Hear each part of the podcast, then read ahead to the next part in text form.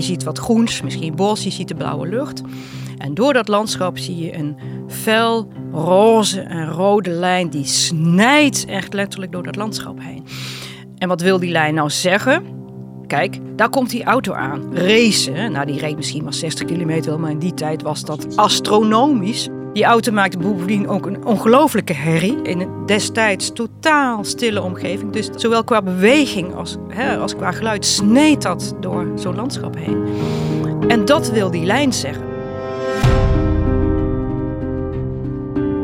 Aan het woord is Lisette Pelsers, directeur van het Krullermuller Museum in Otterlo. Een museum waar aan de wanden werken hangen van grote namen als Picasso en Van Gogh. Maar als ik aan Lisette vraag naar haar topstuk, neemt ze ons mee naar het werk van een kunstenaar die voor velen waarschijnlijk minder bekend is. Een kunstenaar die zich liet inspireren door snelheid en lawaaiige machines. Een kunstenaar die bovendien alles wat hij in zijn huis tegenkwam tot kunst omtoverde.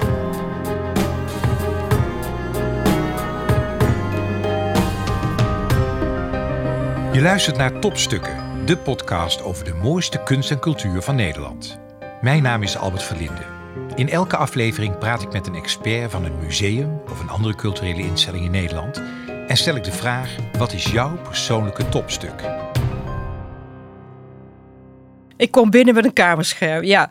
Maar je kunt het ook zien als een schilderij. Hè? Het heeft een voor- en een achterkant. Dus aan de voorkant en de achterkant beschilderd. Dus het is eigenlijk een schilderij in de vorm van een kamerscherm.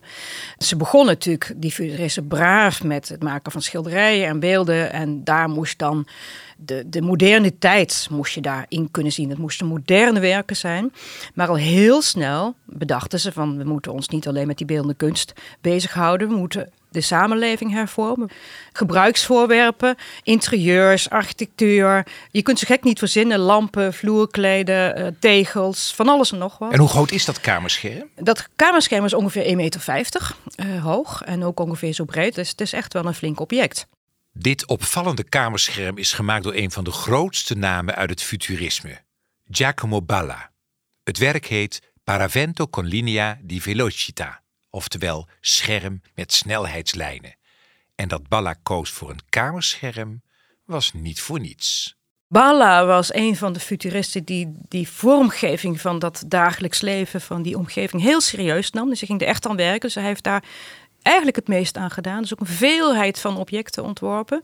Hij maakte zich daar zelf niet vreselijk populair mee. Hij was best wel een succesvol schilder voordat hij alles, eh, zeg maar, zijn oude schilderijen aan de wil ging. Hij woonde in Rome, portretteerde daar de upper ten, zeg maar. En in 1913 zei hij, dat ga ik allemaal niet meer doen. Ik word nu futurist. Uh, gooide al zijn schilderijen eh, op straat of in de uitverkoop. Maar daarmee verloor hij natuurlijk wel die toch heel traditioneel denkende en kijkende opdrachtgever. Dus hij ging er dwars tegen in en hij durfde eigenlijk ook nou ja, eh, de, de, de arme kant van het leven op te zoeken. Ja, absoluut. Hij was best succesvol en dat was daarmee natuurlijk afgelopen. Dus hij moest op een gegeven moment ook in zijn onderhoud voorzien. Dus ze gingen daar gewoon in dat, ja, in dat huisgezin, gingen ze allemaal dingen maken. En die, daar werd ook voor geadverteerd. En je kon ook daar komen kijken. Dat huis heette dan Casa Bala. En dat zat, zat dus van boven tot onder en van links tot rechts helemaal vol met alles wat Bala had ontworpen. En dat ging van wandbekleding, tapijten, meubels, lampenkappen serviesgoed, allerlei soorten gebruiksvoorwerpen. En natuurlijk ook dat kamerscherm.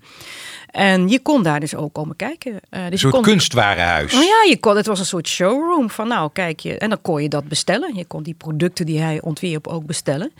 En het grootste deel werd uh, thuis in elkaar gezet. Dus het was een soort atelier, annex, uh, ja, woonhuis. Maar het was natuurlijk ook door, ja, door nood gedreven. In 1913 werd hij futurist. Heel snel daarna brak natuurlijk de Eerste Wereldoorlog ja. uit. En hij moest ik zijn onderhoud voorzien. Dus dan zat moeder zat daar tapijten te weven en de dochters zaten lampenkappen te maken. Nou ja, noem maar op. En duurde die erkenning lang voordat hij kwam? Dat nieuwe futuristische en dat het mensen het kochten? Nou, dat is toch wel in die tijd een handje vol gebleven. Ze gingen ook steeds wel internationaler opereren. En hè, die, die beweging ging natuurlijk ook wel Italië uit. Het werd veel breder rijk is hij niet van geworden, zeker niet. Nee. En hij kon natuurlijk ook niks in productie nemen. Het waren allemaal. Er werd wel geproduceerd, zeker wel. Het was echt wel een, een, een vorm van, nou ja, niet massaproductie, maar wel meer. Die aantallen. die dochter, moesten gewoon. Die moesten nog flink doorwerken. ja. ja.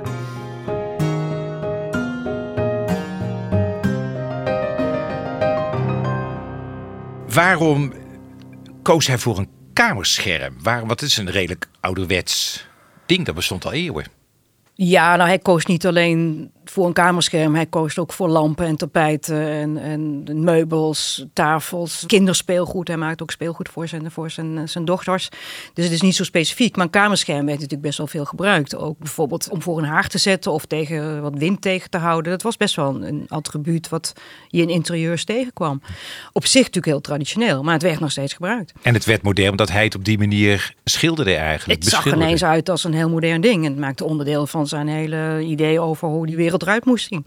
Wat zie ik dan? Nou, wat wilden ze nou, die futuristen? Ze waren modern en dan moet je denken aan alles wat er in die tijd gebeurde. Toenemende technologisering, industrialisatie, de machine, de auto. Ze waren dol op auto's als symbool van de moderne tijd. Dat wilden ze eigenlijk in die schilderkunst en in beeldhouwkunst laten zien. Hoe doe je dat? Hè? Hoe, hoe laat je dat nou zien? Nou, daar hadden ze iets op gevonden. Dat noemden ze dynamische sensatie. Ze wilden dus eigenlijk uh, nou ja, als we dan even naar dit kamerscherm gaan. In dit geval de snelheid en het lawaai van een auto, een automobiel, wilden ze laten zien, wilden ze weergeven in een schilderij. Je ziet eigenlijk beweging als je het kamerscherm Je ziet die auto, die zie je niet. Dus het is echt abstract weergegeven. Wat je ziet is eigenlijk een, een landschap. Je ziet iets geels, nou dat is misschien een weg of een stukje aarde. Je ziet wat groens, misschien bos, je ziet de blauwe lucht.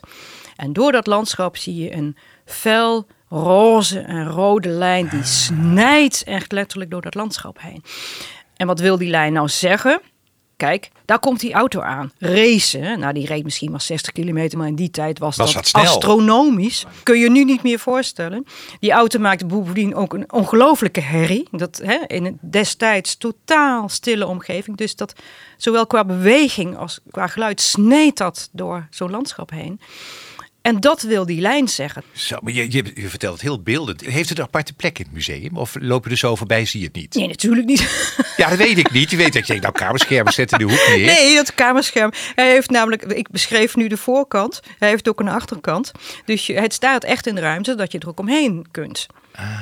aan de achterkant gebeurde iets anders. De voorkant zie je dus die automobiel, die komt daar aanstellen en die race dus voorbij. Nou, die achterkant zie je die lijn, die zie je zacht worden. En die krijgt rondingen in plaats van die hele scherpe hoeken. En dan is het eigenlijk voorbij. Dan is die auto voorbij. Het geluid sterft weg. En dan is alles weer zoals het was. Het is, het is echt prachtig hoe je het vertelt. En wat ik me ook zit te realiseren, die futuristen, hè, we leven begin 20e eeuw, auto's komen er, hebben de industriële revolutie net gehad. Waren ze ook een antwoord dat iedereen alleen maar herdertjes en beelden van een weidje op wilde hangen? Wilden ze ook laten zien dat er meer kon met kunst dan alleen maar landschappen? Ja, natuurlijk. En, maar ze wilden natuurlijk ook laten zien eh, dat je meer kon met kunst dan alleen schilderijen en beelden maken. je kon er je hele omgeving mee vormgeven. Dat was natuurlijk de bedoeling. Dat wilden ze. er moest een moderne mens komen. Er gebeurde van alles in de wereld. En je kon dus niet als moderne mens een beetje tussen, tussen stoffige uh, Louis XV interieurs blijven zitten, wat heel veel mensen deden. Dus er moest eh, lucht in die ruimtes, er moest licht in de ruimtes, er moest kleur in de ruimtes. En er zat de gedachte achter, en die is eigenlijk heel idealistisch, dat de omgeving de mensen schept. Als je mensen omringt met zo'n bepaalde omgeving, krijg je ook andere mensen, krijg je ook een moderne mens en misschien ook wel een betere mens.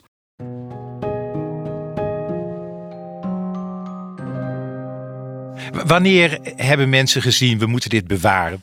Dat verschilt heel erg. Het futurisme is uh, zeker in Europa lange tijd niet echt op zijn waarde geschat. Dat heeft er misschien mee te maken dat het ook zo radicaal was. En eigenlijk al die oude cultuur, hup, dat moest gewoon allemaal weg. Een heel mooi citaat van een van de voormannen van het futurisme is... we hebben er nu een nieuwe schoonheid bij de schoonheid van de automobiel. Het gaat niet meer om mooie Griekse beelden. Nee, we hebben nu de automobiel. Dat is de nieuwe schoonheid. En juist in Europa, met die enorme culturele historie en die enorme culturele traditie, was dat lastig. Je ziet dan Amerikanen, die hebben heel snel futuristen gekocht. De nieuwe wereld zag het. De nieuwe wereld zat natuurlijk niet met die culturele ballast. Nee. En kon makkelijker uh, die stap zetten. En in Europa werd het toch beschouwd als, ja, het was toch te radicaal. Ze zeiden ook letterlijk, die, die, die kerken, dat moet allemaal weg en, en, en die tempels weg ermee. En je kunt je wel voorstellen, dat viel niet zo goed.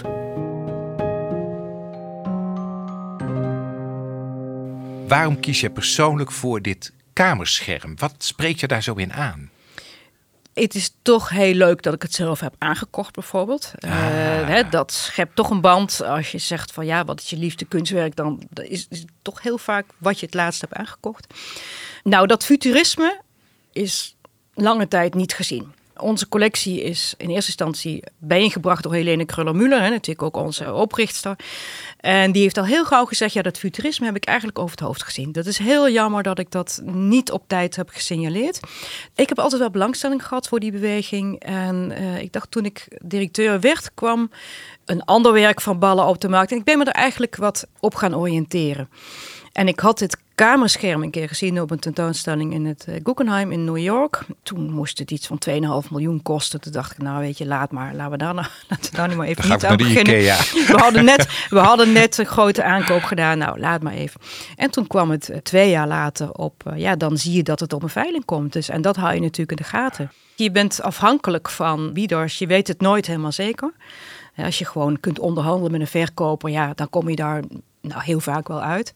Maar ja, je weet op zo'n veiling, je weet nooit wat gebeurt. En was je er lijfelijk bij of zat nee, je nee, nee, nee, we waren er allemaal niet bij. Onze zakelijk directeur heeft, want dan zit ik echt op alleen maar op mijn nagels te bijten. Dat, is, dat moet je ook een beetje kunnen. Je moet op veiling bieden, dat is ook een kunst hoor.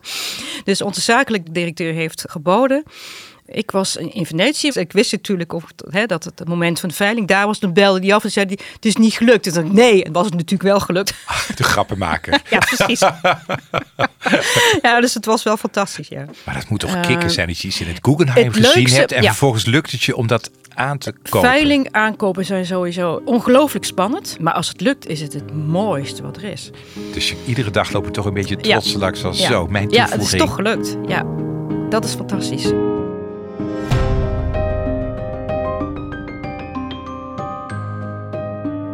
Je luisterde naar Topstukken, aangeboden door de Vriendenloterij, de cultuurloterij van Nederland. Mijn naam is Albert Verlinde, ambassadeur van de Vriendenloterij. Ik ben er trots op dat wij cultuur steunen in heel Nederland, dankzij onze deelnemers. En als je meespeelt in de Vriendenloterij, ontvang je een VIP-kaart waarmee je korting krijgt de leukste uitjes en gratis ruim 125 musea kunt bezoeken.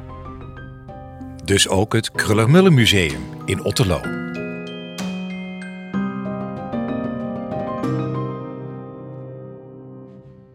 Benieuwd naar meer mooie verhalen? Abonneer je dan gratis op Topstukken in je favoriete podcast-app of ga naar topstukkendepodcast.nl.